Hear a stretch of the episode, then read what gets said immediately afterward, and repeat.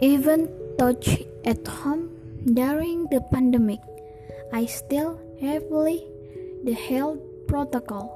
The activities I do, such as always wearing a mask, so that it can prevent the transmission of COVID 19 so that Indonesia can return to normal habits.